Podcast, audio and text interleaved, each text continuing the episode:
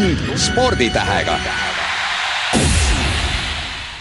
tere teisipäeva, head Kuku raadio kuulajad, alustame saadet Tund sporditähega.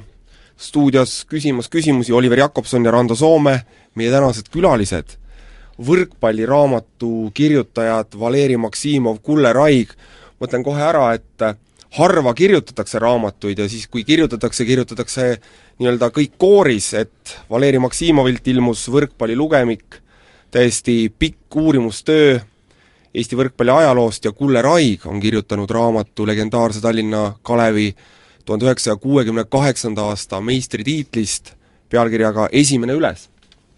Valeri, nelisada neli lehekülge on praegu siin minu käes, no vaevalt siin on nüüd kogu Eesti võrkpalli ajalugu, ütle, et kas selliseid peatükke või selliseid asju, mida sa ei saanud siia kirja panna või mis jäid välja, on, on, on palju, et süda tilkus ka verd, et sa pidid mõne peatüki vähem kirjutama?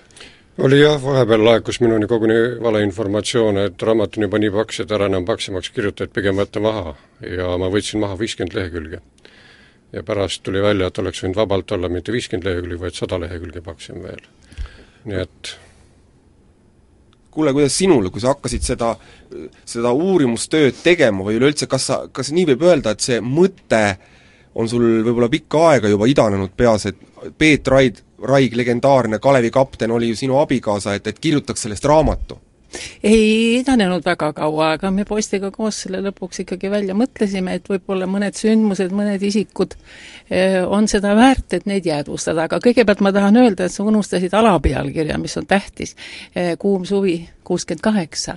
ja nüüd mul on siin üks esimene arvustus, mis ei ole üldse veel äh, trükis ilmunud, mis ilmub neti, netiväljaandest Teadusemees ja teaduse populariseerija Kändler on kirjutanud arvustuse, ma, ma loen siit ühe, ühe väikse lõigu kohe ette, et eh, see raamat eh, kirjutab ajaloost ja kirjutab ka sellest, mis toimus sel aastal Eestis, Tšehhis, sotsialismileeris ja kapitalimaailmas, nii et see on raamat spordist kui ühiskondlikust nähtusest, spordist kui ajaloo osast ja kui tahate, siis ka sellest, kuidas teaduslik mõte sai rakendatud ilma teadust kui institutsiooni kaasamata, kui rahvast on vähe, siis peab mõistus hakkama tööle, nii need mehed mängisid. sa ütlesid praegu, et eh, teadus, kui me võtame Valeri raamatu, siis see on tõesti võib-olla teaduslik eh, raamat, kas seda esimene üles, Kuum suvi tuhat üheksasada kuuskümmend kaheksa võib ka mingil määral ilukirjanduslikuks teoseks eh, kvali-, kvalifitseerida? mul on raske seda endale öelda, aga, aga seda ma tean päris kindlasti, et see on siiski terviklik lugu, millel on taust, algus, olevik ehk pidevik ja kulminatsioon ja lõpp. nii et see on ikkagi story, nagu tänapäeval öeldakse no sellest samast Kalevi meistritiitlist nelikümmend nüüd juba üks aastat tagasi me ei saa üle ega ümber, Valeri, kui palju sina omas raamatus oled seda, seda teemat puudutanud või teades, et Kulle samal ajal kirjutab ka põhjalikumalt, oled jätnud selle võib-olla väiksemale?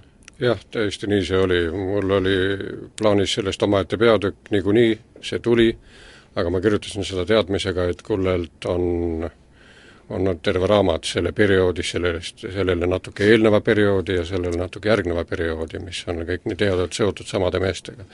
sellest asjast põhjalikumalt ja ma tean, et ta on tõsist tööd teinud, ta on väga paljude inimestega rääkinud ja kui me siin Kulle ra-, raamatust juba räägime, siis räägime võib-olla natukene edasi, Kulle, kas sinu puhul, sinu raamatu puhul on neid eh, nii-öelda nüansse, mis on jäänud kirjutamata, mida võib-olla need eh, vanad mehed ei taha rääkida, sest me teame ka korv-, vabandust, võrkpallimehed, üldse spordimehed ei ole ju ikkagi sellised puhtad poisid igatepidi no ma arvan, mida sa ootad vastuseks, aga ma tulen selle sama arvustuse juurde tagasi, arvustaja nendib, et see raamat on nagu Eesti võrkpalli hiilgus ja jäämägi, kus mõned asjad on aimatavad ja väga paljud asjad on ainult aimatavad ja teiselt poolt on väga palju selgelt ja põhjalikult välja toodud, nii oleks minu vastus. ma, ma olen rääkinud nende samade võib-olla Kalevi võtmemängijate Henn Karitsa, Kalle Kukega ja mulle imponeerivad kõige rohkem needsamad lood toonasest parteijuhist Johannes Käbinist, kes oli suur võrkpallisõber, kes aitas aitas võrkpallurite, võrkpalluritel kortereid, autoostu lube saada, kui palju neid lõbusaid lugusid seal sinu raamatus on?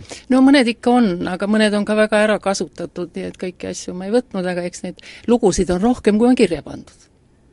kui keeruline, ütleme, emotsionaalselt sulle seda, seda lugu oli kirjutada, su enda abikaasa on nüüd meie seast juba kahjuks lahkunud, et kas selliseid valusaid mälestusi, kui ma võin niimoodi küsida, tuli nagu palju ette, et et noh, et jäi mingil hetkel ka pooleli? ei, sellest on nii palju aega möödas, et kõik oli klaar, selge ja südamlik ja tore, aga, aga midagi valusat selles ei olnud. Valeri, sinu raamat Võrkpalli lugemik, sa noh, märksa laiemale teemale, laiema teemaga puutusid kokku, et et kas sinu jaoks, noh, sa oled läbi ja lõhki võrkpallimees ise ka, ei tohiks ju midagi üllatavat uut olla, et oli ka midagi sellist, et no ossa pagan, seda ma küll ei teadnud võrkpallist? oli küll, eriti sõjaajalises perioodis ja kuigi materjali selle kohta on suhteliselt vähe olnud, aga aga ma püüdsin sinna vahele põimida asju, mis, mis iseloomustasid tolle aja perioodi ka, ka kultuurialal, poliitikas, hariduselus ja, ja, ja kirjanduses ja miks mitte veel mõnel alal. nii et ma tegin selle asja omale huvitavaks ka sellega, et ma täiendasin ennast kõige muuga, mis selle ajaga kaasnes. aga ka võrkpallist sain üht-teist teada näiteks puht tehnilisi küsimusi, millal hakati mängima näiteks seda huvitavat võrkpalli, mida Kalev kuuskümmend kaheksa harrastas. Kalev ei olnud sugugi esimene ja, ja, ja seda harrastasid Nõukogude Liidu võrkpallurid juba enne sõda, isegi kolmekümne kaheksandal, kolmekümne üheksandal aastal. neljakümnendast on teada tulemusi kiid-, retsensioone mängudele, mis, mis kiitsid tolle, tolleaegsed Nõukogude paremaid mängijaid, kellest said hiljem maailmameistrid ja olümpiavõitjad. sa, sa räägid, vabandust, sa räägid praegu kombinatsioonilisest mängust, jah? jah, aga, aga kuskil on ka kirjas, et kui äh, tuli kätte otsustav hetk, läksid nad ikka raiumise peale üle siis nagu meie mehed või, või ei, üldiselt, üldiselt, üldiselt Vene võistkonnad põhiliselt. sellist mälestused on meil sõjajärgsest perioodist mm, -hmm. aga mis sõjaeelne, kuidas, kuidas, kuidas siis need täpselt mängisid, ega ega me seda väga ei väga üksik, üksikasjalikult ei tea, aga, aga me teame, et Kalev võttis selle üle, täiustas, arendas ja jäi selle juurde, mitte nii, et korraks mm. -hmm oli ja korraks ei olnud, kui vaja, siis läksime üks-kaks-kolm mängule. jah, ma ei tea, ma ei mäleta, ma ei ole nii põhjalikult nüüd sinu raamatuga veel tutvunud, aga kas sa Konstantin Reeva mängukirjeldust kuskilt leidsid? tema oli ju äärmiselt legendaarne Vene no, võrkpallimängija. jah, ma olen lugenud palju, aga need ei ole üksikasjalikud, need on mm. niisugused, et oli, tegi hea mängu ja, ja, ja oli väga osav ja väga mitmekülgne, aga need on mm. üldised iseloomustused. tähendab, või, võiks öelda, et sa natukene lükkad nagu ümber selle müüdi, et Kalev kuuskümmend kaheksa tuli, tegi absoluutselt oma stiili, oma mängu, sain ma õieti aru? Eh, jah, seda reservatsioonidega tuleb võtta, et Kalevi stiil oli see, et nad jäid Nad arendasid seda ja tegid, tegid sellest parema ja läbilöövama stiili, aga ka siiski ainult üheks, üheks, kaheks hooajaks, kus, kus on, mille õnnestus läbi lüüa. pidevalt seda stiili hoides ei olnud enam võimalik võita, sest seda õpiti tundma ja selle vastu töötama no mängu tuli ka atletism, nad lihtsalt hakati pikki mängijaid otsima, nad olid nii palju võimsamad. Loor räägib sellest väga hästi oma intervjuus minul. Valeri, su raamat hakkab siin aastast juba tuhat üheksasada üheksateist, et äh, ütle, kui, kui raske või keeruline oli leida materjali just sellest äh, nii-öelda meie esimese, esimese vabariigi algusaastatest, et äh, kui meil võib-olla siin tähtsamad teemad olid hoopis poliitika, Tartu rahuleping on aasta pärast siin kirjutamisel, et eh, kas, kui palju üldse sellest ajast keegi pühendas endale võrkpallile ja selle jäädvustamisele järeltulevatele põlvedele? ma püüdsin lugeda tolleaegseid lehti, nii palju kui minu kätte juhtus ja, ja kui palju selleks aega oli ja ja väga vähe on võrkpallist juttu sel ajal, palju rohkem oli Eestile tuntud ja tugevatest eh, jõualadest maadlust tõstmine ja jalgpall ja, ja korvpall olid ja, ja võrkpall sai suhteliselt vähe ruumi sellele, aga aga võrkpall domineeris täielikult juba õige pea maakohtades, linnades, kus kirjutati rohkem spordist, olid muud alad, aga maal mängiti kõige rohkem võrkpalli. kas selliseid eh, nii-öelda suust suhu jutte käisid ka kuulamas? jah, mul on vesteldud väga paljude inimestega, kes, kes mäletavad hilisemaid ja varasemaid aegu, aga, aga enne sõjaaegse perioodi inimestega mul oli vist ainult ühe-kahega jutt, tegemist. no ütle, kõik asjad käivad nii-öelda käsikäes, et kelle, mis riigiga koos, ütleme, Eesti võrkpall kõige rohkem arenes, et oli meil kusagilt ka väljaspoolt sellist tuge pakkuda siin lähinümbrusest? enne seda mängisime põhiliselt lätlastega. venelastega ei olnud mingit kokkupuuteid, soomlastega ka mitte, sest nemad alles said hiljem sellest teada, mis on soomlasi, ma mõtlen, võrkpallist ja, ja põhiliselt mängime ja lätlastega ja siis kolmekümnendate algul sai, sai käidud äh, Tšehhis ja Euroopa turneel, kus olid mõned maad ja selgus, et Eestil ei ole vastast. aga ma ei, ma ei rõhutaks seda väga ega ega kiitleks nende saavutustega, sest äh, kandepind ei olnud tõesti eriti lai siis. aga fakt on see, et Eesti oli Euroopa üks paremaid enne seda? tuleme tagasi aastasse üheksateist, tuhat üheksasada üheksateist, nimelt sel aastal oli noor Soome võimlemise õpetaja Greta Alftaan oli siin Punase Risti teenistuses, õppis Ameerika sõduritelt võrkpalli ära ja läks Soome, hakkas propageerima, nii et tõesti, soomlased said oma võrkpalli meilt ja kuuekümnendatel aastatel oli küll Eesti ja Soome võrkpallisuhtluse kuldaeg, ma mäletan väga hästi neid aegu. Äh,, algas klubimeeskondade kohtumisega ja, ja pärast olid maavõistlused juba, juba rahvuskoondiste tasemel ja nii edasi.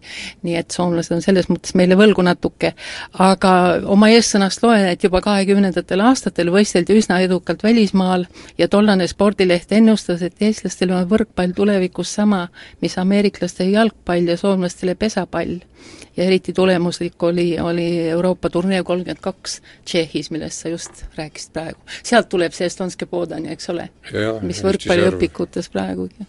nii me võime öelda, et Eesti oli nii-öelda pioneer siin Soome lahe ja Balti mere ümbruses? ma arvan küll. jah, raudselt, nii nagu ta kaheksakümnendatel kujunes pioneeriks rannavõrkpallis, aga siis juba enam mitte selle väiksel alal, vaid üle kogu Euroopaga nii et võime tulla nüüd selleni, et kui nüüd tuli see kohutav Teine maailmasõda ja ja no nii kõik muud asjad, mis siin Eestis võib-olla hävitati, et siis sellega hävitati ka kohati võib-olla Eesti võrkpall, sest no nagu me näeme praegusel hetkel, me ju ei ole maailma tipp, nagu selles samas Kulle sinu eessõnas on ennustatud, et Eesti võiks olla ka aastakümneid hiljem maailma kõige suurem võib-olla võrkpalliriik selle kohta võib-olla Valeri, Valeri oskab paremat kommentaari anda. me kaotame positsioonid kõikidel aladel, kus me oleme esimeste hulgas alguses, kui me hakkame harrastama seda aga niipea, kui kandepind laieneb ja harrastajate arv tõuseb ja, ja koos sellega ka tase, siis Eesti taandub paratamatult, kuna ta on väiksem.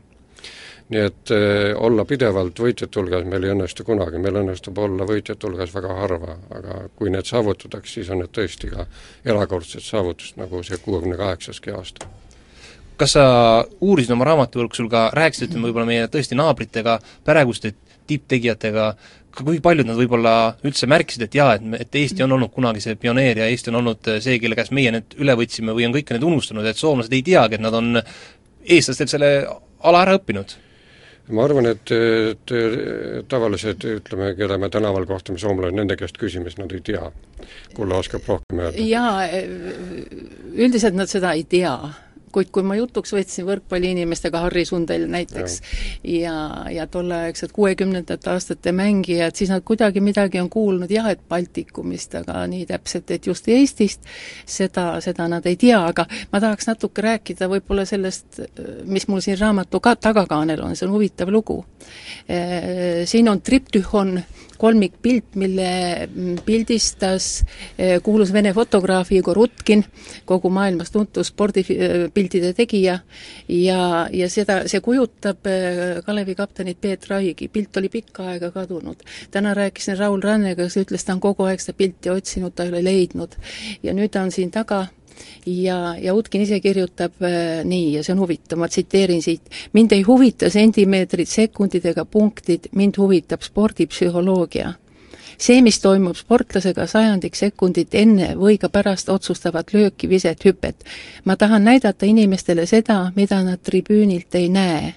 nii ütles Utkin ja Raig ise pidas seda väga kalliks seda, seda fotoseeriat. siin I..., siin, siin on ja. tõepoolest nagu seda pilti, neid pilte kirjeldades kolm korda Peet Raig väga emotsionaalses äh, poosis asendis võrkpalli mängimas, suu lahti, midagi hüüdmas, ilmselt fotograaf või tõepoolest fotograaf on väga, väga ilusad hetked tabanud. Seesama kuule, kuna ma olen tahtnud kogu seda lugu panna nii-öelda ajastu raami, siis, siis ma sellega seoses veel äh, räägiks natukene. Utkin ise on seda jutustanud, ta sai tuhat viissada dollarit, see foto võitis suure kuldmedali Hollandis maailma äh, spordifotode võistlusel, äh, tuhat viissada dollarit, mille eest oleks saanud Moskvasse kolmetoalise korteri, ise ta elas lapse ja naisega üheteist ruutmeetris toas. tuhat viissada dollarit suunati Vietnami rahva abistamise fondi, äh, medali võttis ära Sovetskoje foto peatoimetaja, nii ta jäi kõigist ilma, nii et see on kuidagi äärmiselt iseloomulik sellele ajale. ja Utkin on surnud, täna ma sain seda teada. no seesama aeg, kuuekümnendad, kuuekümnendate lõpp äh,, kuule, sina olid nii-öelda otsene pealtnägija nendele sündmustele, mis toimus, seesama kuum suvi, suvi tuhat üheksasada kuuskümmend kaheksa, sa mainisid Aleksander Dubtšek, mäletame, Tšehhoslovakkia parteijuht, toimusid, toimus Praha kevad, kõik see sündmused ja, ja sellel poliitilisel taustal Eesti meeskonna triumf, mis tunnetega sina seda vaatasid pealt? oi, ma ei tea, süda pidi lõhkema peaaegu. niivõrd noh, pingelised olid need mängud. kõikidel mängudel mina Venemaal kaasas ei käinud, aga, aga Kuke abikaasa ja Karissa abikaasa käisid väga sageli kaasas, mul oli kaks väikest last juba Valeri ütles õigesti, et, et võib-olla see nende mäng, mis oli küll vaimustav, kui nad kokku platsile lasti, siis tõesti võrkpallisümfoonia sündis eh, teatud ajaks, paar-kolm aastat.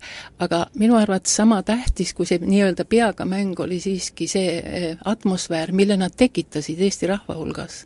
kaheksa kuud mammutturniiri, see on pikk ja, ja siis võite muudkui tuli ja muidugi see kruvis rahva niisugusesse eufooriasse, et juba sellepärast oli see ikkagi väga, väga tähtis. Valeri, me teame, et selle kuuekümne kaheksanda aasta võib-olla meistritiitli peaarhitekt Ivan Dratšov, oli Ivan Dratšov Musta mere madrus, siia Eestisse tulnud, kui tähtis roll on Ivan Dratšovil Eesti võrkpallis?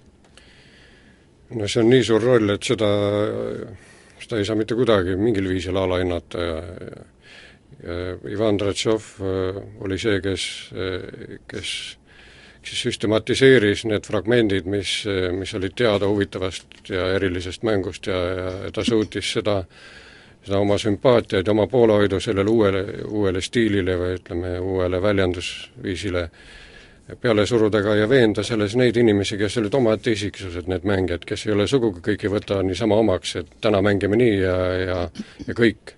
ei, kõik, kõik olid vaidlejad, kõik olid ise, isemõtlejad, see oli raske seltskond aga, aga kui Vanja suutis nad panna, Ivan Dratšov, ühtviisi mängima, ühtviisi mõtlema, siis see oli juba, tõstab tema suuruse kõrgele hästi ütles Rein Järva sügisel sellel konverentsil, mille sa organiseerisid Kalevis, et panna eh, meeskond mängima nii, nagu Dratšov ehk Vanja pani, see ei ole mitte tulemus, vaid see on saavutus minu meelest oli see väga hästi öeldud. elu on nii paljudest väikestest asjadest kinni, seesama Vanja saabumine või ütleme, sattumine Eestisse et ajaloost mullegi on torganud äh, silma seesama fakt, et tegelikult tõepoolest Musta mere madrusena sakslased pommitasid selle tema laeva siin nii-öelda kildudeks, ta ujus siit välja, eestlased andsid talle, talle varjupaika ja ta oli sellele Eestile nii-öelda surmani truu ja, ja, ja jäägitult tänulik. Jah, on öeldud, et, et Vanja oli rohkem eestlane kui paljud eestlased, ta oli Eesti patrioot selle kõige sügavamas ja tõsisemas tähenduses. ja mul on raamatus äh, Vanjale pühendatud terve peatükk ja siin on ka tema käekirja näide piltide hulgas ja võib ju ainult imestada, kui hästi ta eesti keelt kirjutas, ta kirjutas vigadeta ja, ja rääkis väga hästi, loomulikult ka tema naine Marina, kes oli Saatsest pärit ja, ja noh, see oli küll haruldane tegelikult ja Vanja oli, oli inimene, kellel olid tähtsad ka niisugused südamlikud sotsiaalsed suhted.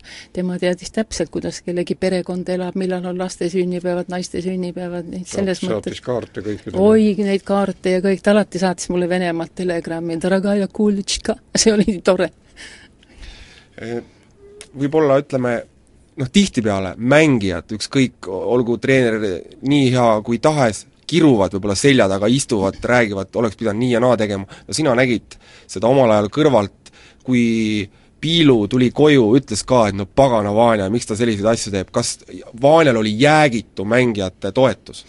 arvatavasti summa summarum kindlasti, muidu ei oleks see asi nendel välja tulnud, aga loomulikult mehed rääkisid ikka, Vanja tegi seda valesti või teist valesti või mida tegi õigesti, mida võiks paremini teha, niisuguseid arutlusi muidugi oli Vanja oli selles suhtes hea treener ja tark treener, kes kuulas ka mängijaid. kui ikka keegi võttis sõna ja ütles, et tema arvab asjast niimoodi, siis Vanja kuulas ta ära ja, ja, ja võttis siis otsuse vastu, kas siis arvestas või ei arvestanud. aga ta kuulas ära ja tihti arvestas sellega, näiteks ka, ka Peet Raig oli üks sellistest, kes võttis sõna nii väljaspool platsi kui ka platsil ja, ja mitte sugugi vaikse sosinaga. no siin raamatus, minu raamatus on ära toodud peatükis kapten ja tema mäng, eh, tema käitumine nii platsil kui ka, kui ka väljaspool platsi.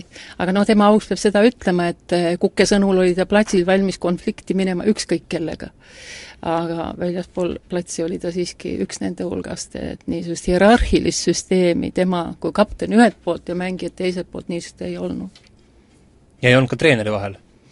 no ma arvan küll, et ei olnud, ma ei tea, mis Valeri selle kohta ei, minul ei ole ka andmeid, treenerid oleks omavahel kunagi tülistanud, seda ei ole mitte keegi rääkinud ja seda ei ole kuskil kirjutatud. me ei saa jätta küsimata, Kulle, me teame, Piilust on räägitud, ta oli persoon platsil, temaga oli raske läbi saada, kui ta koju tuli seal nelja seina vahel, oli see ka üks noh, raske töö hoida rahu majas ja ma ei tea, no ma kirjutan siin, mis oli tegelikult, ta oli tohutu rahutu hing. Ta tuli koju, ta oli kaks nädalat ära olnud, siis ta käi-, kaks päeva oli rahu majas enam-vähem, siis ta hakkas juba mööda tuba edasi-tagasi käima, ikka kuskile tahaks nagu minna ja midagi ära olla ja midagi teha, niisugust rahutust oli temas väga palju. ja ma mõnikord imestasin, kuidas see platsil välja ei paistnud, noh natukene, aga üldiselt ta ju päris külmapäiselt platsil tegutses. aga, aga rahutu ta oli ja see oli üks niisugune, see tema niisuguse välise atraktiivsuse, see tumedam pool oli just see pidev kuskile minna tahtmine, kuskile äraolemine aga muidu, no kui, kui on võimalik kasutada niisugust sõna nagu spordiboheem, siis tema oli selle selle inimliigi tüüpiline esindaja pakkis oma kohvri kokku, läks, tegi oma partii ära, siis võttis napsu, pani suitsu ette kuni järgmise korrani. aga nüüd ma loen ja tulemused olid head, nii kaua kui olid. praegu ma loen, et Venemaal on kõrgushüppaja Ivanov, kes võistleb purjus peaga, hüppab kaks nelikümmend kaks, nii et ma ei tea, kas te olete kuulnud sellest?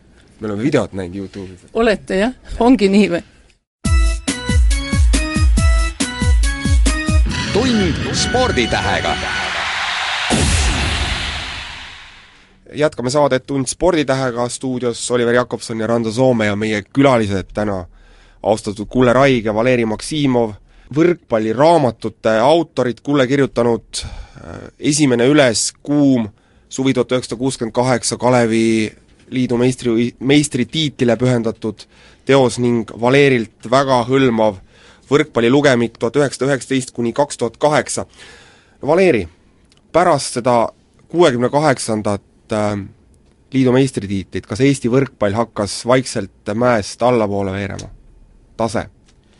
ei saa öelda, teised, teised arvestasid ja võtsid omaks ja õppisid selgeks, kuidas tuleb Kalevi vastu mängida ja järgmine aasta sai ju Kalev seitsmenda koha, ülejärgmine aasta neljanda kohani, mis ei olnud sugugi pahad, aga pärast seda hakkas, hakkas küll pisike areng, sest vanemad mängijad loobusid, uued ei segunenud piisavalt efektiivselt eh, eelmise generatsiooni ütleme, teise poolega või kes sealt jäid mängima.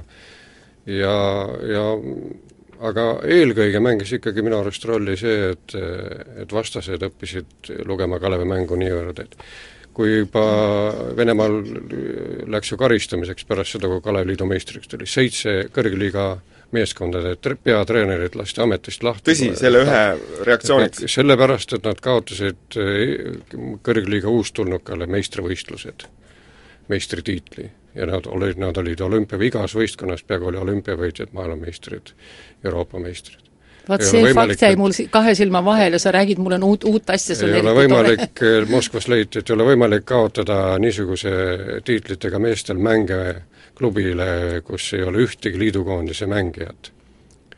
Peet Raik pääses sinna aastal tuhat üheksasada seitsekümmend ja korraks ühele MM-ile ja see ebaõnnestus, sest meeskond ei mänginud nii, nagu Raik tahtis ja Raig ei olnud mängima ja nõu-, nõu-, ei suutnud mängida nii, nagu liidukoondis tahtis nii et teised võtsid õppust sellest, et tuli üks väike Eesti meeskond, lõi kõigil karbid lahti, aga eestlased ise ei suutnud edasi arendada? jah, seal oli, seal põhjusi on alati mitu ja, ja, ja kõik need, nende koosmõju oli see, mis ühte väga suurt tegurit ei olnud. andekaid noori tuli kogu aeg peale, väga hästi mängisid ka Uno Tiit ja ja, ja Bebekov. ja, jah, Peeter Bebekov ja, ja siis äh, Avo Tasane ja Viljar Loor ja, ja üksikuid mängijaid omaette isiksusi oli, oli täitsa olema, aga sellist ansamblit, kes midagi koos, veel midagi sarnast ära teeks, sellist ei kujunenud. Äh, Kulle, jällegi mul oivaline võimalus nüüd sinu käest otse seda küsida, et, et nagu Valeri siin mainis, et Peet Raik, ta liidukoondise laagrites ta käis, aga lõppkokkuvõttes teda koondisse ei võetud, ta ise, ma olen korra Peet Raigi intervjueerinud, ütles, et äh, treeneriks oli Tšesnokov, vana halturtšik, nii ta ütleski, et mis ta kodus sellest rääkis? Miks ta ei pääsenud no, liidukoondisse, kuidas ta elas ta seda üle? ei elanud, see ongi huvitav, ta ei elanud. Ja siit äh, raamatust tuleb ka ja muuseas sinu intervjuud ma kasutasin. ja, ja sealt tuleb ju ka välja, et ta kaunis rahulikult suhtus, tal oli põhiline see, tahtsin lihtsalt hästi mängida. ja auahne ta ei olnud, nii ta ise väitis, meil ei olnud kodus sellest suuremat juttu, ma ei mäleta, et ta oleks väga kurvastanud. Ja tõesti, ta oli üsna kaua kandidaat, mängida sai suhteliselt vähe ju, eks ole kas me võime nii julgelt öelda, et Peet Raig oli sajandi mängija Eestis või peaks selle tiitli ikkagi Viljar Loorile andma või need on kõik maitseasjad, Valeri? ei ole maitseasjad, kõige suuremad saavutused on toonud Eestile ikkagi Viljar Loor, olümpiavõitja, kahekordne maailmameister, kahe- ja viiekordne Euroopa meister, et sellist eh, pagasit pole vastu panna, ma arvan, et mitte ühelgi Eesti, Eesti, Eesti pallimängijal. korvpallist võib eh, leida terve plejaadi mängijaid, kes kes on ka kõrgelt pärjatud, aga kellelgi pole neid nii palju. Vii-, viiekordne Euroopa meister pole ükski korvpallur, no see ei ole alahindamiseks öeldud. korvpallil, korvpalli saavutused kokkuvõttes on palju suuremad kui võrkpallis. aga kuhu me jäime?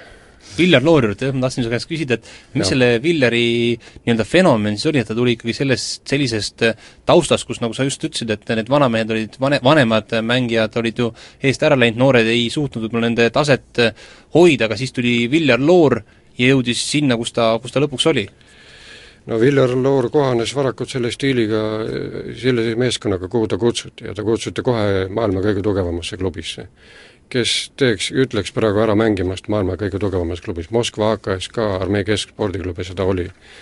ta õppis mängima ja arenes seal, mitte ei õppinud mängima, õpetati ta välja Tartus ja Tallinnas ja spordiinternatkoolis ja Kalevis sai mängida. aga kohe oli ka liidukoondis. ja, ja ta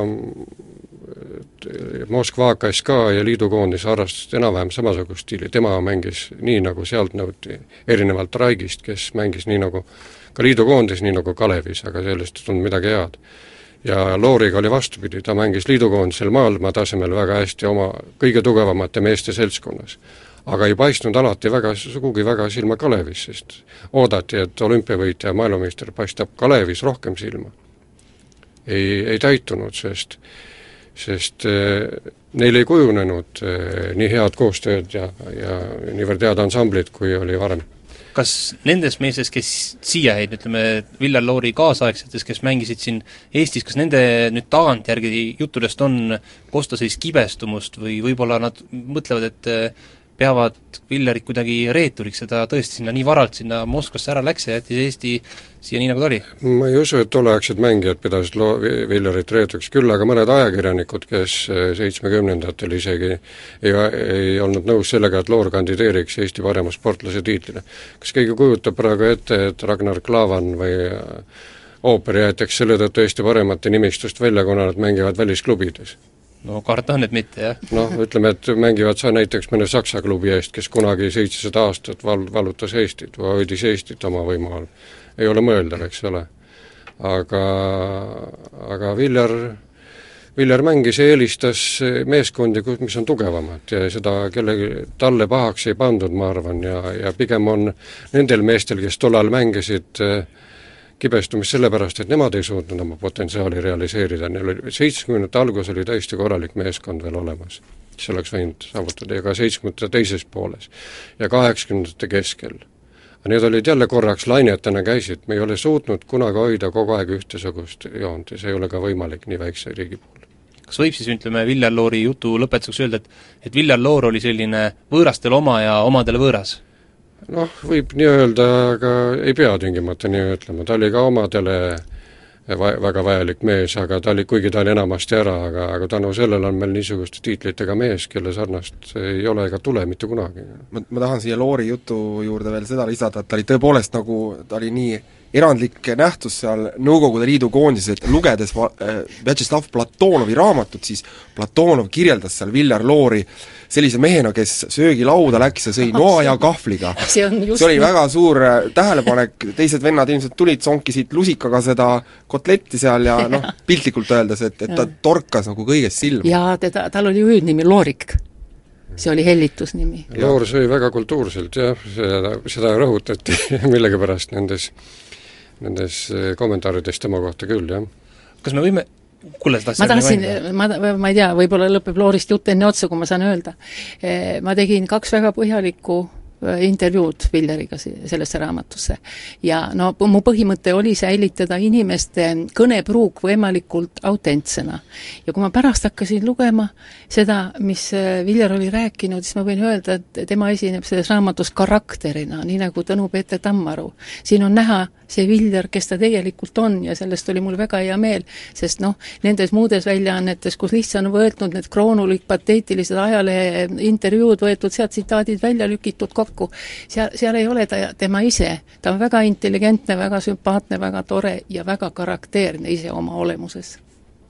kas me võime öelda, et eh, tuhka pahe pähe raputades nüüd meile, eestlastele, et me ei oska oma nii-öelda andeid ja suuri talente hinnata, et et me laseme nad käest ära, et me ei osanud eh, Peeter Aigi pärast temaga mängijakarjääri õigesti võib-olla kasutada ja ei osanud ka võib-olla Viljar Loori? jah, see käib nii sportlaste kohta kui ka ka iga, igas muus eluvaldkonnas juhtub tihti nii, et tagantjärele oleme targad ja ei oska hinnata neid inimesi, kellega me koos oleme olnud ja elanud ja tegutsenud ja suuri saavutusi teinud, nii et nii et ei ole ka võrkpalli erand ma ei, ma ei arva, et ühiskonnale või ümbruskonnale või teistele inimestele tuleks siin suurt vastutust panna. mis Piilusse puutub, siis tema oli tema ise, ta elas teistmoodi, mängis teistmoodi ja ega ta suurt ei küsinud ei soovitusi ega, ega nõuandeid. ja ei toh-, tahtnud ka neid ise jagada? noh, palliplatsil oli ta kõva nõuannete jagaja. ma olen nõus nendega, kes ütlevad, et et Raigist oleks olnud väga hea treener, kui tal oleks natuke kannatust olnud ja need esimesed raskused üle elanud. väga hea kohtunik ta juba oli, seda on öelnud mm -hmm. meie kohtunikud, kes, kes on näinud teda väga palju vilistamas ja ta oleks kindlasti olnud rahvusvahelise kategooria kohtunik ja võib-olla kõige edukam.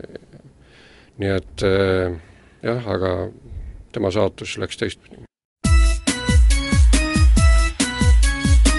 tund sporditähega. jätkub Tund sporditähega võrkpalliteemadel, võrkpalliraamatu teemadel. šovinistlikud, nagu me oleme, me oleme siin rääkinud äh, pelgalt meestest, aga Valeri ei saa jätta ju õrnemat sugu ka tähelepanuta, et äh, minu sellise noore mehe peas on ainult üks nimi, Anu Karavajev, jätame välja need, need tüdrukud, kes me räägib, mängivad praegu, aga kuidas üldse Eesti selline naiste võrkpalli areng on olnud? naised mängisid hulk aastaid palju kõvemini ja tulemuslikumalt kui mehed, viiekümnendad, kuuekümnendad, kuuekümnendate alguseni välja. meil olid väga silmapaistvad mängijad eesotsas Aino Hoimerinnaga, kes jõudis viieks aastaks Eesti NSV Liidu koondisse. Meil on olnud äh, peale Anu Karavajeva äh, väga häid mängijaid, kes on liidu, liidu koondise treenerite silmapiiril olnud ja Elle Kungla ja Lea Lihtsa ja Irje Kross ja, ja, ja Neid on, neid on päris mitu, kes on väga silmapaistvalt mänginud ja Milvi Tedremaa ja, ja terve hulk viiekümnendate, kuuekümnendate aastate mängijaid. ja need kõik ei ole kahjuks jõudnud raamatusse, sest et kõigist lihtsalt ei saa kirjutada, aga kunagi, kui ma tuleb tõesti jutuks see, et Eesti võrkpalli sajanda juubeli puhul täiendada ja parandada seda, siis, siis sinna lähevad sisse ka kõik need, kes seekord välja jäid, aga aga eraldi vääriks juttu tõesti Eesti kõi-, minu silmis kõigi aegade parim naisvõrkpallis on Aino Võimerind, kes jõudis liidukoondisse, käis liidukoondis laagris, tutvus selle kultuuriga, ütleme jutumärkides, selle, nende oludega, nende tingimustega ja nende nõudmistega ja, ja suhtumistega, mis, mis ta seal läbi elas, keeldus mängimast liidukoondisest, keeldus mängimast ka, ka sel ajal, kui, kui oleks võinud olla liidukoondises, koondisega maailmameister, Euroopa meister hiljem ka olümpiavõitja jäi muidugi temast kaugele, sest kuuekümne neljandal aastal alles toodi olümpia, see jõudis võrkpalli olümpiakavva, aga tema oli koondises viiekümnendate aastate esimeses pooles kuni viiekümne kuuendani, ütleme. Aino Huimerinna võrkpalliõpik oli ju pikka aega see nii-öelda ainus, ainus võrkpalliõpik, et näiteks minugi nii-öelda nooruspõlve raamatute hulka kuulus see Huimerinna võrkpalliõpik samamoodi nagu Sipsik lapsepõlve, et see, see oli väga populaarne toona jah, ja seda kasutatakse praegugi, see on õppelektüür tudengitele, kes peavad teadma, milline on Eesti võrkpalli ajalugu. ka mina võtsin selle raamatu enda, kui alustasin sõjajärgset perioodi, siis võtsin selle kõrvale ja kasutasin sealt väga palju asju ja ei ole või mõtet hakata eraldi uurima seda, mis on juba välja uuritud ja, ja Aino Oimerind oli minu jaoks autoriteet, ke-, kelle peale võis alati toetuda. see väga julge samm on see muidugi, see Nõukogude Liidu koondisest välja välja astub nii-öelda, et ega see talle mingisuguseid komplikatsioone ei valmistanud? ja ikka, teda ei võetud koondise ma-, maailmameistrivõistlusteks, mida ta hiljem öelnud ka, et oleks võinud, pidanud välja kannatama selle, selle laagri miljöö ja meeleolud ja, ja kõik, et, et ikkagi kas või korra olla maailmameister. ta on kahekordne universiaadi võitja, mis tookord oli liidukoondise tipptasemel ka sotsmaades, mängisid kõik naiskonnad oma eliitkoosseisuga üliõpilaste maailmameistrivõistlustel, kui vaja, tehti kõik üliõpilaseks ja ta on kahekordne üliõpilaste maailmameister, mis on sisuliselt võrdne maailmameistritiitliga. meest, meeste pool tehti kõik sõjaväelasteks kes olid lootlusandvad või peaaegu kõik. jah, sel ajal ka armee domineeris, jah. no täpselt. Äh, Vanja oli naistetreener väga pikka aega ja ma arvan, et tema suhtumine äh, meeste abikaasadesse võib-olla oli, äh, positiivne suhtumine oli ka sealt pärit. ja Jaanusega tegin intervjuu raamatu kirjutamise ajal ja Mati Jaanus ütles, et naiste mäng on praegu võib-olla isegi huvitavam vaadata kui, kui meeste mäng, kuna kaitsemängul on, on suurem rõhk ja pall püsib kauem õhus, ma ei tea, kas see vastab tõele tööle. aga üks, üks äh, niisugune lendlause Vanja äh, naistetreeneri äh, aegadest oli see, kui ta soovitas naistel ka vajadusel ikkagi pikali visata platsi peal, et palli päästa, siis keegi oli öelnud, et kukuvad need, kel jalad nõrgad, aga, aga Piilul oli ju oma niisugune lendav lause, mis ka tänapäevani elab, jooksevad need, kes mängida ei oska, kui ta Käärikul pandi treeningrajagis jooksma, siis teatas ta tähtsalt, et las need jooksevad, kes mängida ei oska kui meie naiste võrkpall, ütleme, tõepoolest on nagu teinud väikest vähikäiku, ütleme, kui me vaatame tänast seisu, siis tegelikult meeste võrkpall noh, on hetkel kas või selle sama üheksakümnenda võrkpalli sünnipäeva auks ikkagi jõudnud EM-i finaalturniirile Türki, aga sinna vahepeale Valeri mahtus ju ka tõus Nõukogude Liidu kõrgliigasse, aasta oli äkki tuhat üheksasada kaheksakümmend viis või kaheksakümmend kuus kaheksakümmend viis jõuti, kaheksakümmend kuus mängiti veel, jah. Või, võib seda nimetada ka tegelikult noh, mingiks väga oluliseks verstapostiks Eesti võrkpalli ajaloos? kahtlemata, kõrg-, liidu kõrgliigasse pääs võrdus pääsuga maailma kõige tugevama liiga eliit, eliiti. ja seda, see kaheksakümne kuuenda aasta meeskond oleks võinud eh, olla viis aastat liidu kõrgliigas. kahjuks läks nii, et osa nendest sattus sel ajal kinnipidamisasutusse ja, ja, ja Eesti võrkpall kaotas sellega väga palju. aga see koosseis oleks võinud mängida, kus olid Avo Keel, Rein Link ja, ja Jaanus Lillepuu ja, ja mitmed teised, kes hakkasid nooremad, kes hakkasid silma paistma ja ja hiljem juba tuli Eesti Vabariigi aeg, siis oli juba raskem mõõtu võtta, kellega, kellega meil kellega võiksime jõudu katsuda, sest paremad läksid ära Soome. no seesama, sa mainisid seda kaheksakümne kuuenda aasta kõrgliiga äh, algust, siis võib-olla hästi, need, kes nagu ajaloos on paremini kodus, mäletavad, et tegelikult pärast esimest etappi meeskond oli lausa viiendal kohal. et, et enne, enne kui tõepoolest tuli see noh, võib-olla Eesti võrkpalli jaoks õnnetu pahuks sisse minek seadusega, et, et sealt ilmselt kõva tagasilöök tuli kahtlemata ja seda tuleb kahetseda, et see nii läks, aga, aga aga meeskond oli tugev ja, ja hiljem seesama meeskond äh, tõestas äh, esim-, üheksakümnendate alguses peaaegu samad mehed, et nad võivad mängida võrdselt Euroopa esikümne meeskonnaga, nad mängisidki nelja võidukalt, võites, võites nelja Euroopa esikümne meeskonda. Springcup turniiril vist? jah, Bulgaaria, Kreeka, Rootsi ja üks oli veel. tuli Türgi ise, eks? Türgis siis veel ei olnud neljas oli ka veel, jah. Valeri, aga ütleme, et ma, ma tituleerin sind praegu, ütleme, võrkpalliteadlaseks, et eh, kui sa niimoodi südametunnistusega ütled, et eh, mis sa selle kohta ütled, et kui tõesti tuli Eesti Vabariik, et siis meie nii-öelda paremad eh, pojad kõik sinna Soome poole ajama panid, et kas see oli nende poolt nii-öelda õige samm, et jätsid siin nii-öelda sellid, sellid meistriteta? See oli kahetised tunded valdasid tol ajal, aga tagantjärele peab, tuleb seda loomulikuks pidada, et inimene läheb ikka sinna, kus on parem ja ei läinud ainult võrkpallurid ega teise, teiste alade sportlased, läksid ka teiste elualade inimesed sinna.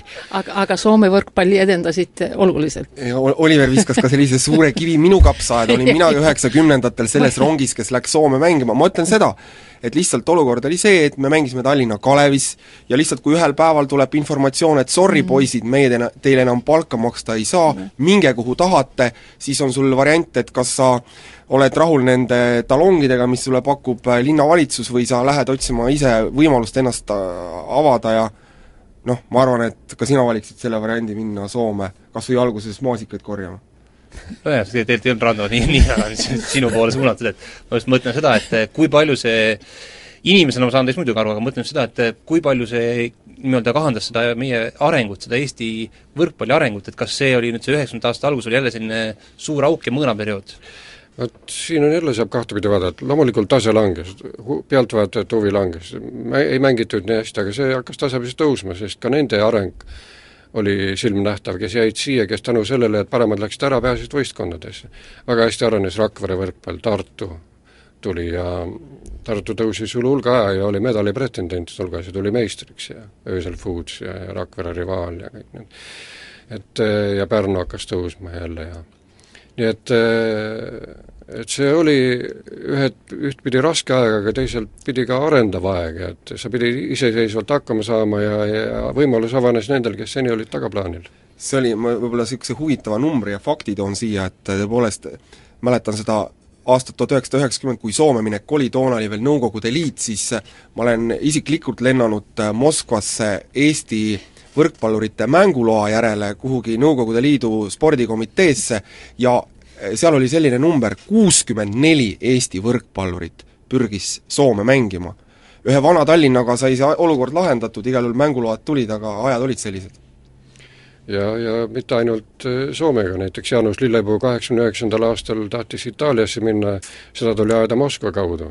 ma ise olin selle juures otsapidi tegev, et saada liidu võrkpalliföderatsioonilt luba Jaanus Lillepuu lähetamiseks esimese eestlasena Itaalia kõrgliigasse, mis tähendas äh, tol ajal juba tõusu maailma eliitliigasse, kelleks Itaalia juba siis oli, nii et meie aeg lendab, aga me ei saa üle ega ümber tegelikult ikka ka veel sellest küsimusest, juubeliauks Eesti võrkpallimeeskond jõudnud EM-i finaalturniirile, kas nüüd on siis äh, järjekordne sajandi pauk tulekul heas mõttes? Türgis? Äh, ma ei kommenteeriks seda nii väga, sest ma ei oska arvata, mis tuleb, ma kardan, et saab väga raske olema, ma arvan, et kui me võidame kaks-kolm geimi, kui me võidame kaks geimi, on rahuldav. kui me võidame kolm geimi, on juba väga hea. hea, kui see kolm geimi oleks terve mäng. ja Eesti valitsus otsib praegu reservfondidest puuduvat ühte koma viit miljonit ilmselt, võib-olla äkki leitakse see raha. ma arvan, et see, mida valitsusjuht ettevaatamatult pillas, nagu ta on üht-teist ka varem pillanud üle arust, ei tulnud tema mainele kasuks, aga vaatame, kas võrkpall, mis, mis saab võrkpallist. Ja ma, minnakse igal juhul võrkpalli MM-i fina-, finaalturniirile, mängijad annavad niikuinii endast parima. Jaa, aga võrkpallile see kahjuks võib-olla ei tulnud, see tuli võrkpalli kasuks, aga loodame, et Eesti võrkpall elab niikuinii edasi ja elab paremini ja et teil oleks ka materjali, millest kirjutada veel raamatuid, suur tänu, Kulle Raik, suur tänu, Valeri Maksimov, me kohtume jälle nädala pärast! tund sporditähega